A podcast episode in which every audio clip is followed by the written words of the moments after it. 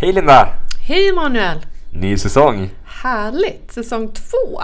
Wow! Är du taggad? Jag är jättetaggad. Jag har längtat, verkligen. Ja, men jag också. Det känns som att det har saknats någonting den här lilla perioden när vi inte har spelat in. Ja, faktiskt. Även om det har varit jul och nyår och allt vad det innebär. Ja, det har varit fullt upp ändå. Ja, Ja, det känns jättekul att vara tillbaka. verkligen. Vad, eh, vad ska vi göra den här säsongen då? Ehm, ja du. Nej men vi har ju faktiskt en liten ny plan kan man säga. Ett Ja. litet nytt upplägg. Vi har ju utvärderat första säsongen. Ja. Vi har gett oss själva och även bett andra ge oss feedback. Ja, och vi har landat i ett, ja, dels förhoppningsvis bättre ljudkvalitet, Ja. men också ett nytt format. Ja. Där vi kommer ha ett avsnitt som publiceras en gång i veckan här under våren. Ja. Det ena lite längre. Men helst inte längre än 30 minuter. För våra 60 minuters avsnitt, det är, det är långt. Det är lite för långt. Ja. Ja. Och sen varannan vecka kör vi en mikropodd. ja. Så varannan vecka eh, ett lite, lite längre avsnitt och, och så varannan vecka då de andra veckorna om man tänker udda jämna veckor. Nu blir det knöligt. Ja, tänker man veckor ens? Jo, alla vi som har barn växelvis boende, vi just tänker det. veckonummer. Ja. Ja. Nej men och den andra då är det de här mikropoddarna. Där Ja. vi kommer prata om olika typer av juridiska avtal som är väldigt bra att känna till. Ja men begrepp och familjejuridik som verkligen. man måste liksom bara veta vad det är. Det är jätteviktigt. Ja. Det har vi hävdat hela tiden. Ja. jo, är, vi är ju också jurister. Du, vi ska prata bonusfamilj idag och eh, tyvärr fick inte du vara med när jag träffade våra härliga gäster Maria och Martin. Nej, men du hade ju äran att få göra det så att det är ju fantastiskt. Det är jättekul att höra dem berätta om sin bonusfamilj. Ja. Ska och vi... sin eh, podcast som de ju också väldigt framgångsrikt har dragit igång. Eh, bonus pappan och plus mamman heter den. Precis. Men vi lyssnar på Maria och Martin. De är jätteroliga. Ja, here we go. Here we go.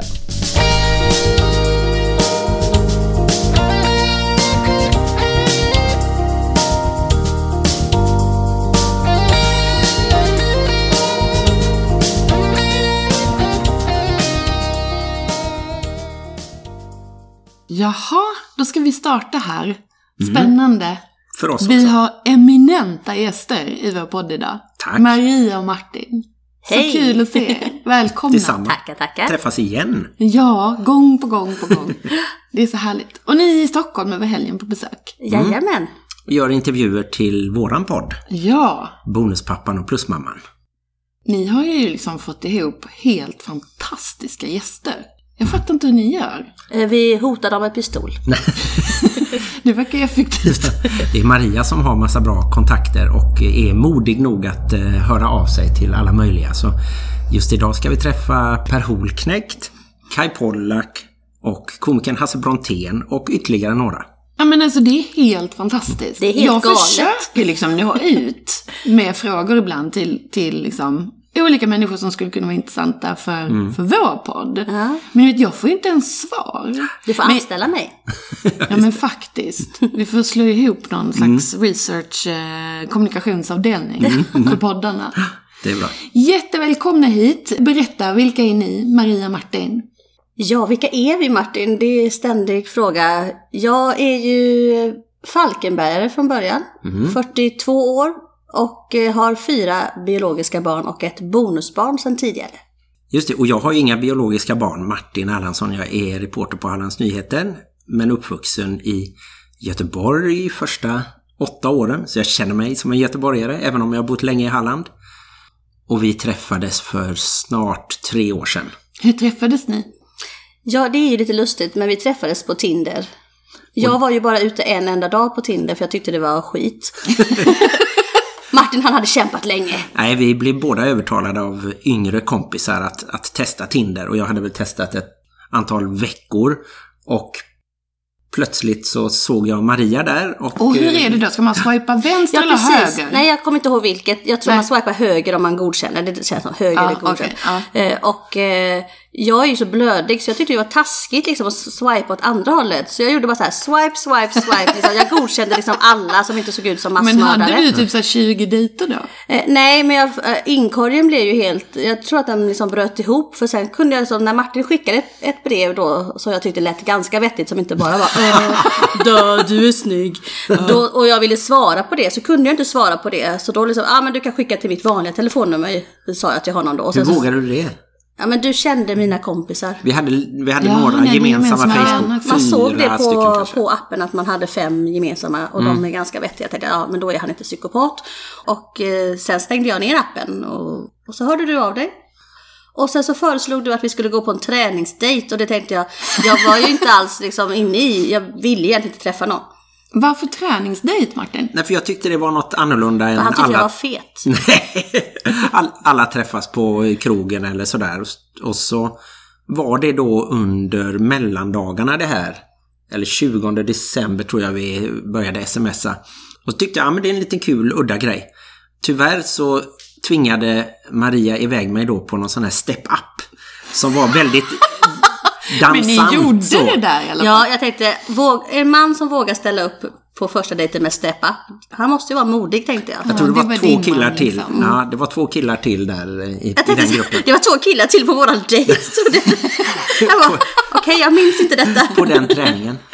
Men sen, vi tog en fika innan också, en söndag innan, dagen innan. Dagen innan också. Ja, för du tjatade det till det. För- egentligen var ju första dejten träningen, men du, ja, men vi kan väl träffas innan. Och då tänkte jag, okej jag klämmer in honom mellan två andra saker. Så att jag kan smita iväg ifall han är helt Ja, just det. crazy. Men du hade ju försökt skrämma bort mig där lite när du eh, mässade att eh, ja, jag har fyra barn med två olika pappor. Precis, men du lät dig inte skrämmas. Nej men jag tänkte att det, det får väl ingå i paketet men det, jag vill fortfarande lära känna dig. Och sen så får väl barnen komma lite senare. Och när kom barnen höll jag på att säga, men när flyttade ni ihop När sen kom då? barnen? Barnen, du träffade ju nu har vi ju haft våran podd, Bonuspappan och Plusmamman ett tag och eh, alla experter som vi pratar med säger ju att man ska vänta med, vänta med att introducera barnen och vänta med att flytta ihop. Men jag tror att du träffade Helle redan innan vi blev ihop nästan kan Ja, man säga. medan vi dejtade och bara var kompisar så att Ja, säga. och sen så på nyårsafton då, och då är ju nyårsafton ungefär en vecka efter vi Mm. hade träffats, så tänkte jag att ja, men jag behöver någon som skjutsar oss ner till, till fyrverkerierna. Så då ringde jag Martin, så då träffade han ju två av barnen då. Så att eh, vi väntade ju inte så länge med det. Nej, och vi flyttade ihop sen efter ett halvår när vi hade varit ihop ett halvår ungefär. Ja, Och vad flyttar, flyttar ni liksom till något helt nytt eller flyttar ni in hos varann eller hur? Ja, du bodde ju i en tvåa och jag bodde i en stor trea inne i stan som bara jag trivdes i. Ingen, an- ingen annan, varken du eller barnen trivdes i den. Så vi skaffade oss ett litet radhus. Och vi hade ju sån tur för att i Varberg är det ju helt lugn att få tag på boende. Men du hade ovetande stått i kö i 18 år. Ja, för jag hade hamnat i kön när jag flyttade in i min tvåa. Jaha. I liksom det kommunala bostadsbolaget. Och då hade jag ju 18 års kötid och då var vi ju etta i kön. Jag tror snitttiden är 11 år annars eh, Den är så i pass lång kön. ändå. Ja. Ja. Så vi seglade in där och fick ett litet tvåvånings eh, radhus med lite täppa och liten innergård. Vad mysigt. Mm. Hur det- ser familjen ut då? Vilka, vilka är ni? Ja, det är ju, jag har ju fyra barn då och min äldsta dotter är 16. Sen har jag en pojke som är 15, en flicka som är 14. Och sen är det ett litet hopp till deras lilla syster då som har en egen pappa och hon är 8. Ja. Och sen har ju hon i tur, sin tur en storebror som jag räknar som mitt bonusbarn då. Och han är 12. Men han bor ju inte med oss, han kommer bara hälsa på kanske en helg någon gång och på lov eller så. Och hur mycket bor de andra så att säga? Det är 50-50. De bor växelvis hela Ja, tiden? växelvis hos sina pappor. Och innan var det eh, exakt varannan vecka.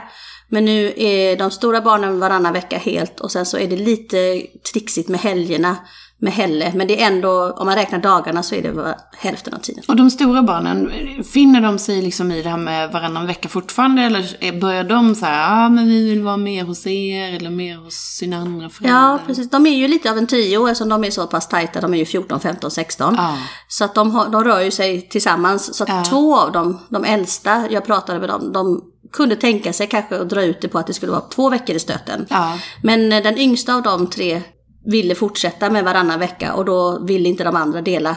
För jag sa att det går ju, ni behöver ju inte göra samma om ni inte vill, men de ville ändå följas åt. så, Ja, att- just det. så än så länge är det varannan vecka, men vi är helt öppna för att det kanske ändras ju, ju äldre de blir. Och även ifall de kanske känner att nej men jag vill ha stadigt boende hos någon av föräldrarna och kanske bara komma någon helg eller så. Och då är vi öppna för det med. Vi bor ju så nära varandra så att det går bra.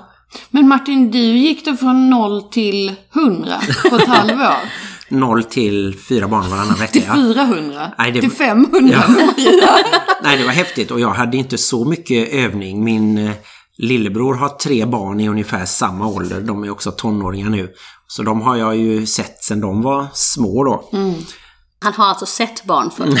ja, just det. Det är hans erfarenhet. Jag, jag vet lite hur de fungerar, lite grann. Nej, men, eh, så att, visst, det var ju på ett sätt en, en utmaning. Men jag tänkte att jag kan ju bara vara mig själv. Jag kan ju inte tvinga dem att eh, lära känna mig liksom så. Utan jag, jag får försöka hålla min linje. Och sen så har jag som tur då att Maria har bjudit in mig att dela föräldraskapet väldigt mycket. Vi har sagt att vi har en metod som vi kallar som om. Ja, Som om vi faktiskt är en kärnfamilj och som om jag är lika mycket förälder. ja. Och sen kanske det inte funkar helt ut i praktiken att jag bestämmer kanske inte lika mycket och jag är ju inte vårdnadshavare så vissa juridiska beslut kan jag inte vara med och ta och så. Men det känns ändå som att jag får eh, bestämma och då kan det till och med vara så att jag kanske i vissa lägen är lite strängare än Maria är som biologisk mamma. Men är inte alla bonusföräldrar det? Jag känner när jag var bonusmamma så var jag också den som var lite strängare.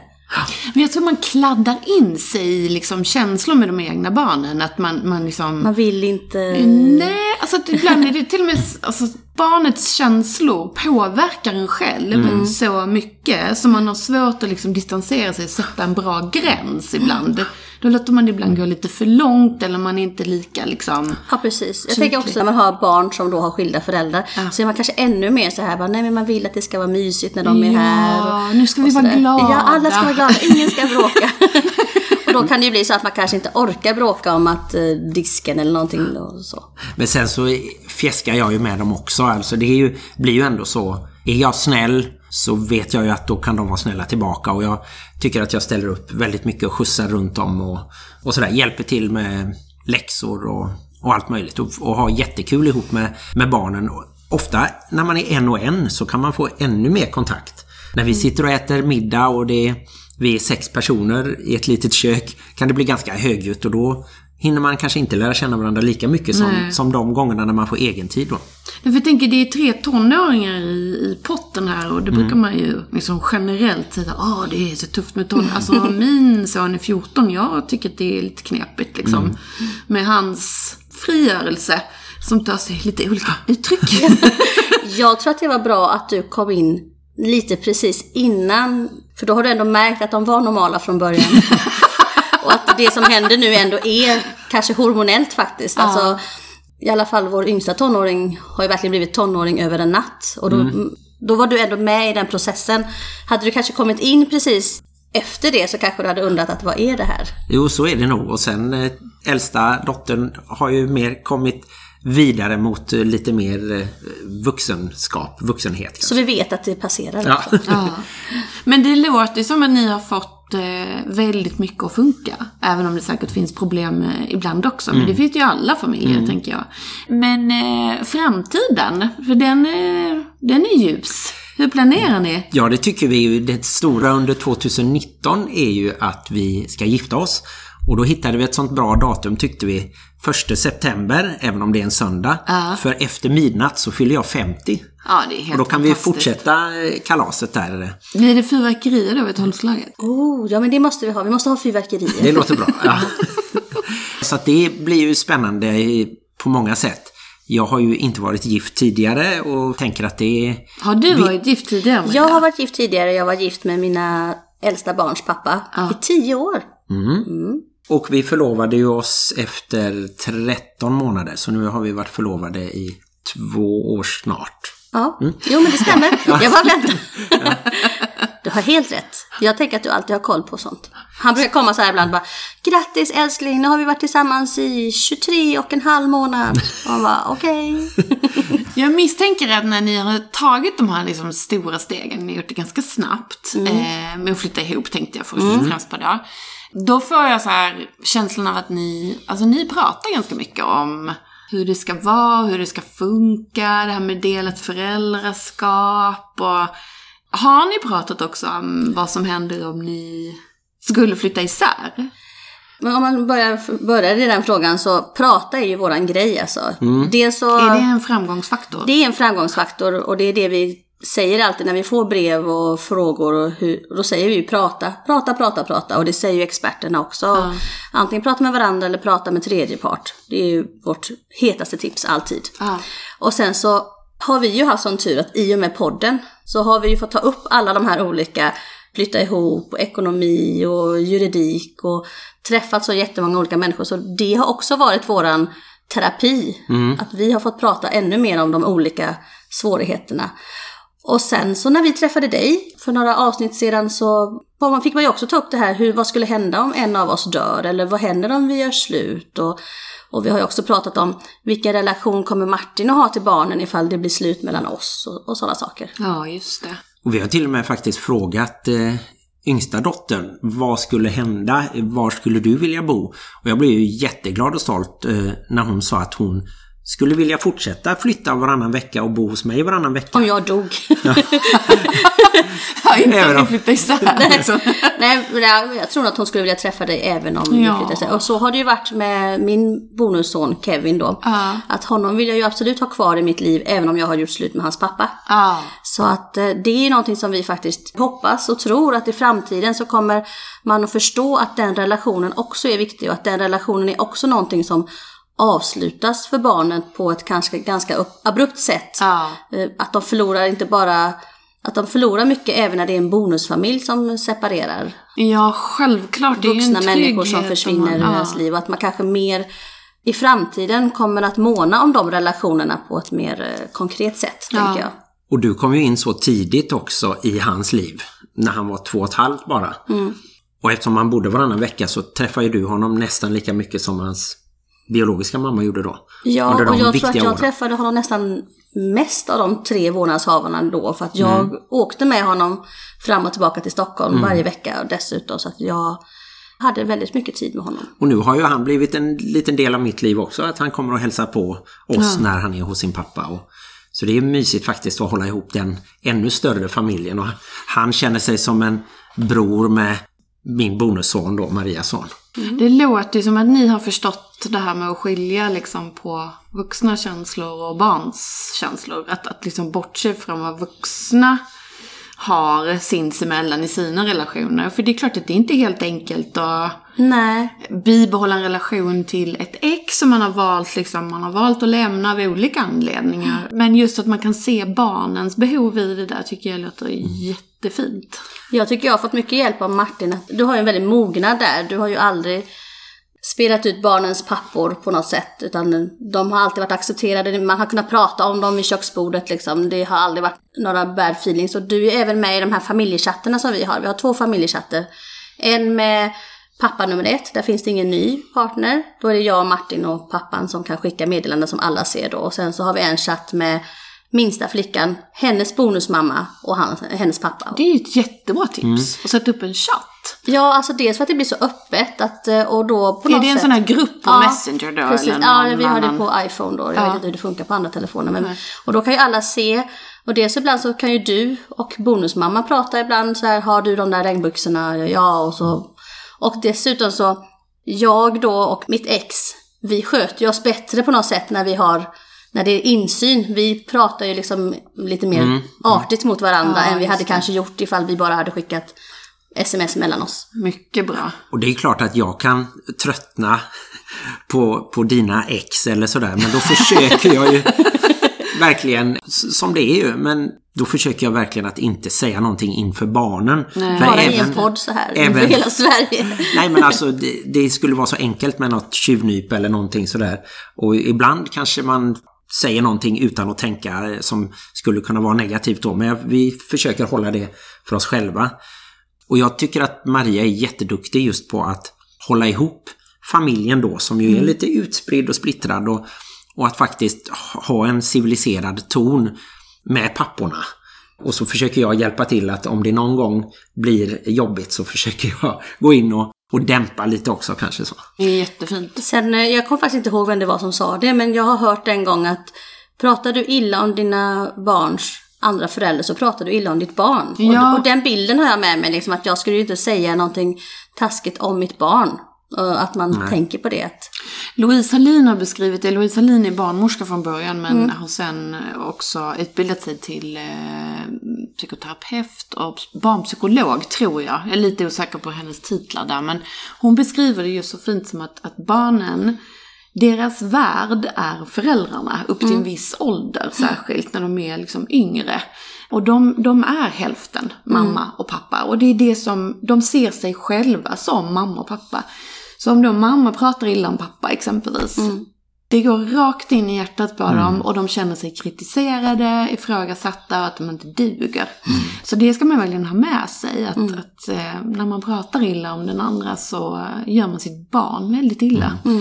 Jätteviktigt, men det låter som att ni har hittat en massa bra sätt att liksom komma runt den problematiken. Vad skulle ni, ni träffar jättemånga bonusfamiljer och människor som lever i bonusfamiljer eller har levt i bonusfamiljer. Vad skulle ni säga är liksom de vanligaste problemen som människor upplever med att leva och bo i en bonusfamilj?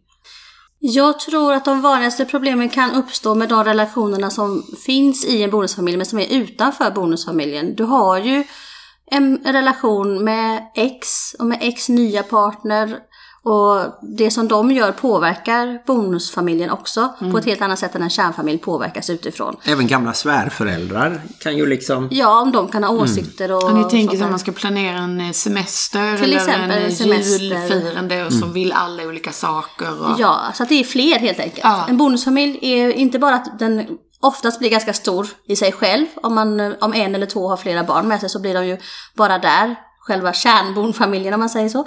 Och sen så utanför blir det också mycket mer påverkat än en vanlig familj. Ja.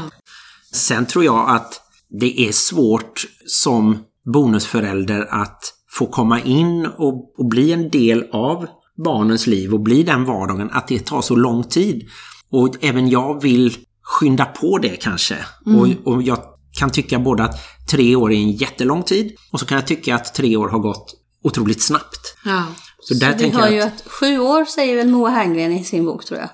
Jag Ja, tänkte precis säga att, att jag och min man, vi, har, vi flyttade ihop 2012 med barnen då från, från tidigare förhållanden båda två. Och det är väl sex år nu då. Och, Alltså snart kommer det att vara bra för ja, er. och det roliga är att vi sa liksom bara för några månader sedan att det känns som att vi verkligen har landat Mm. På en, på en liksom, det är, det är en ny, en ny harmoni, det är ett nytt lugn, alla har förstått sina liksom roller. Och, Ja, men så precis. det, ja, sex, sju år, definitivt. vi har haft tur att barnen inte är så avundsjuka på varandra vad gäller vad de får eller vad de får, får göra eller det känns som att dina barn har vant sig vid att det kan inte bli helt rättvist utan man får slå ut det över lite längre tid och det är ingen som är så bortskämd att de vill ha massa dyra prylar och att deras syster skulle få någonting då som tekniskt sett är halvsyster. Ja. Ja, det är också en svårighet, det här med rättvisan i bonusfamilj, det har vi förstått. Det är omöjligt i en kärnfamilj också med exakt rättvisa. Men det är nästan helt omöjligt i en bonusfamilj för du kan inte påverka vad de andra barnen får Nej. hemma hos sina, eh, sina föräldrar. Då. Och eh, vi har väl kommit fram till det att på många sätt och vis att exakt rättvisa är inte rättvist heller. För att alla har olika förutsättningar också. Ja, precis. Men just om den andra bonusfamiljen då har mycket bättre ekonomi och kan skämma bort barnen på ett annat sätt. Resa långt eller något sånt där. Ja. Ja, så där, där har vi ju hört mycket att det kan bli Avundsjuka. gnissel. Mm. ja, just det. Och sen också något som vi är ständigt återkommande är ju också relationen bonusförälder och bonusbarn. Som kan vara både och. Där det kan gnissla. Det kan gnissla och det kan gnissla av olika anledningar. En, en ganska vanlig anledning är ju också så här helt vanligt att man förstår sig inte på varandra. Bonusföräldrar förstår sig inte på bonusbarnet och vice versa. Och det, irritationen bara växer på något sätt. Och sen så kan det också vara den här aspekten att när du som bonusförälder inte vet vilken roll du ska ha i ett bonusbarns liv och i framtiden dessutom. Du vet inte hur länge det här bonusbarnet kan få vara hos dig. Det kanske bor mycket hos sin mamma till exempel. Du har ingen, inga rättigheter när det gäller ditt bonusbarn. Och att det kan faktiskt stoppa upp den här bindningen man gör med sitt eget barn. Ja. Så att det inte bara att man inte har fött det och sett det de första åren, utan det är också den här osäkerheten som många bonusföräldrar känner. Och svartsjuk, Svartsjuka jag. Det får man inte och avundsjuka. prata om, men det, det, det finns ju där också. Absolut. Känslor och svartsjuka, liksom att barnet får mer uppmärksamhet eller att barnet i sig upplever svartsjuka gentemot en bonusförälder för att nu, i det här fallet Martin, du tar alldeles för mycket tid från mamma. Precis. Och Martin som sitter i mammas knä hela tiden. ja, ni får slita. Ja. När en bonusfamilj först, den ena inte har några barn och det kommer ett nytt barn. Det är också en stor svårighet som vi får mycket brev om. När de får gemensamt barn. När det blir en kärnfamilj i bonusfamiljen. Då uppstår ju också nya avundsjukor, svartsjukor och eh, också att den här nya föräldern då, höll jag säga, när man får ett biologiskt barn, att många slås av att det faktiskt är en annan känsla när du får ett biologiskt barn. Och tampas med det själv. Ja. Att man får ett dåligt samvete för att oj, nu känner jag mycket mer för mitt eget barn än för mitt bonusbarn. Och, och att våga prata om det har vi ju tagit upp många gånger. Att hur säger man och hur gör man? Och att man bara är tydlig. Jag tror vi pratade med en författare eh, och hon sa det att barn vill bara veta. De, är inte så, de krånglar inte till det egentligen, de vill bara veta. Så här, det här är, nu har jag fått ett barn, jag älskar det barnet, jag älskar dig, jag älskar er på olika sätt. Det räcker ibland Ja, för ett barn. Bara få höra det istället för att man krånglar till det och säger massa andra saker så kan det enkelt ibland vara bra också. Alltså jag skulle kunna prata om bonusfamiljer i all evighet. Ni gör ju det, för Ja, ni vi har gör ju en podd det, som handlar om det. precis. Jag får nöja mig med ett avsnitt. Ja, Men, men hörni, vi ska avsluta lite, men, men om ni fick formulera ett gott råd till bonusfamiljen. Ni får varsitt. jag tänkte jag kan ta varsitt. Ja. Jag tänker rent allmänt att man kan göra så som vi har gjort och gå ganska mycket på känsla upplever jag det som att vi känslomässigt ville flytta ihop men att vi faktiskt egentligen inte tänkte jättemycket på vad det skulle innebära mer än att vi försöker ordna så att barnen får var sitt rum eller var sin vrå där de kan faktiskt vara själva och kanske stänga en dörr eller sådär. Skulle man göra tvärtom, att bara gå på det teoretiska eller planera sådär, det skulle vara svårare. Så jag, jag tror ändå att man, man måste lyssna på sitt inre och, och våga vara lite spontan. För jag tror att väntar man med att flytta ihop, om, om man som vi, vi ville flytta ihop efter ett halvår, hade vi väntat till det hade gått ett år eller ett och ett halvt år, jag tror inte det hade gjort någon skillnad ändå. Jag trodde du sa, då hade det aldrig hänt. Nej, Så jag sitter här och är alldeles chockad över det paradoxala i dig, att du tycker att man ska ta känsla före förnuft. Men för vi- du är ju väldigt mycket förnuft före känsla. Ja, vi- jag känner inte dig Martin. Vi har ju gjort det, men jag menar att bara som ett sånt, som jag tycker ett stort ekonomiskt beslut som att köpa en ny bil där vi får plats allihopa, där det är sju säten. Det var ganska spontant, trots att det var en stor investering. Så, så det, jag är nog lite paradoxal så ibland att jag kan vara petig med småsaker, men stora beslut eh, som att flytta ihop och gifta sig, att jag går med på Ja, bilen, magkänsla där. köp, bilen köpte du ju innan vi flyttade ihop. Ja. Ja, så det egentligen... Det var ett så bevis att jag Ja, men det var som en förlovningsring nästan när han Ja. köpte den här stora bilen. Som, eh, då kände jag nu menar han allvar. Så det, Nej men så tänk inte för mycket, eh, är mitt, är mitt råd. Tänk inte så mycket som Tänk gör. inte för mycket, men prata gärna mycket. Ja. ett väl- chockerande ja. råd från Martin. Ja, och du Maria. Ja men då kan jag ju ta, jag trodde att du skulle ta det här att man ska prata med varandra. Men eh, jag ty, måste ju säga det, prata med varandra och var inte rädda för att ta in en tredje part. För ibland så snöar man ju helt in på att eh, inte komma fram till varandra och inte förstå varandra och då är det en jättebra grej att höra av sig till antingen en professionell eller gärna någon som är, gärna någon som är lite utanför som inte geggar in sig i familjen för mycket. Och där kan man ju lyssna på våran podd Bonuspappan och Plusmamman om man vill höra lite olika experter eller Just det. skådisar eller en jurist som heter Linda är med i två avsnitt och så Väldigt vidare. trevlig för övrigt. Ja. Ja, ja. Ja, nej men det är fantastiskt. Jättestort tack till eh, er båda. Tack för att för att ni vi ville vara med. med. Ja. Tack. Jätteroligt. Tack. Tack.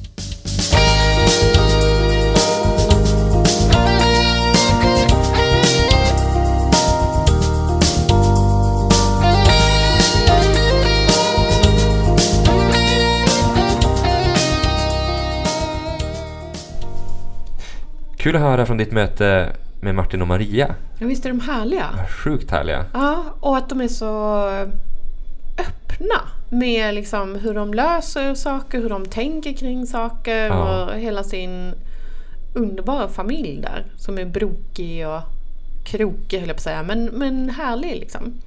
Men om vi ska sammanfatta det här på något sätt i, i tre konkreta tips för att ja, men helt enkelt hitta en juridisk hållbar lösning. Ja, bonusfamiljer behöver ju eh, verkligen tänka efter när det gäller eh, vad som ska hända. Ja. Ehm, därför att har man en bonusfamilj så har man oftast det som i juridiken kallas för särkullbarn. Det vill säga man har barn med någon som inte eh, man fortsättningsvis då lever tillsammans med. Alltså barn från tidigare förhållanden. Precis. Så att tre tips. Eh, gör som Martin och Maria, nämligen prata med varandra. Diskutera vad vill ni ska hända om ni mot förmodan kommer att gå skilda vägar.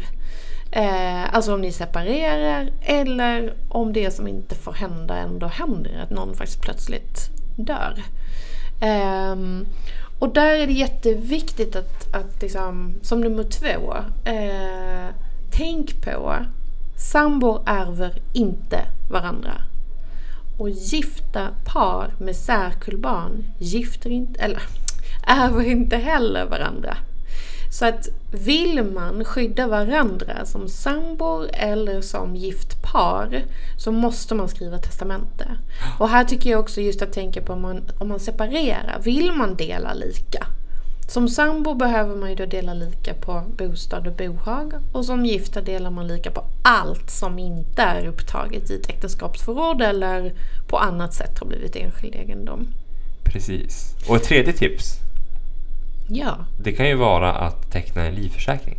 Ja, för det är ju faktiskt ett bra sätt att skydda varandra när det finns just särkullbarn. Och då tänker jag särskilt på det att man vill låta den andra få bo kvar. Precis, och det är väl ofta varför man tecknar en sån livförsäkring. Ja, därför att annars har ju särkullbarnen rätt att kräva ut sin laglott och det kan ju framtvinga då en, en försäljning av bostaden om man inte har andra pengar att kunna reglera den laglotten med. Precis, och finns det då eh, ja, men en livförsäkring då kan ju den efterlevande så att säga köpa loss den delen av bostaden från barnen som kräver sitt arv så att säga. Precis.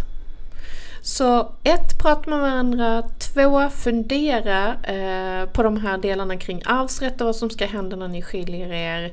Och tre, om ni skiljer er, inte när. Det var en freudiansk felsägning. Och eh, se till att reglera det juridiskt så att det blir så som ni vill ha det. Exakt. Bra! Toppen! Tack för idag! Tack själv! Lycka till bonusfamiljerna!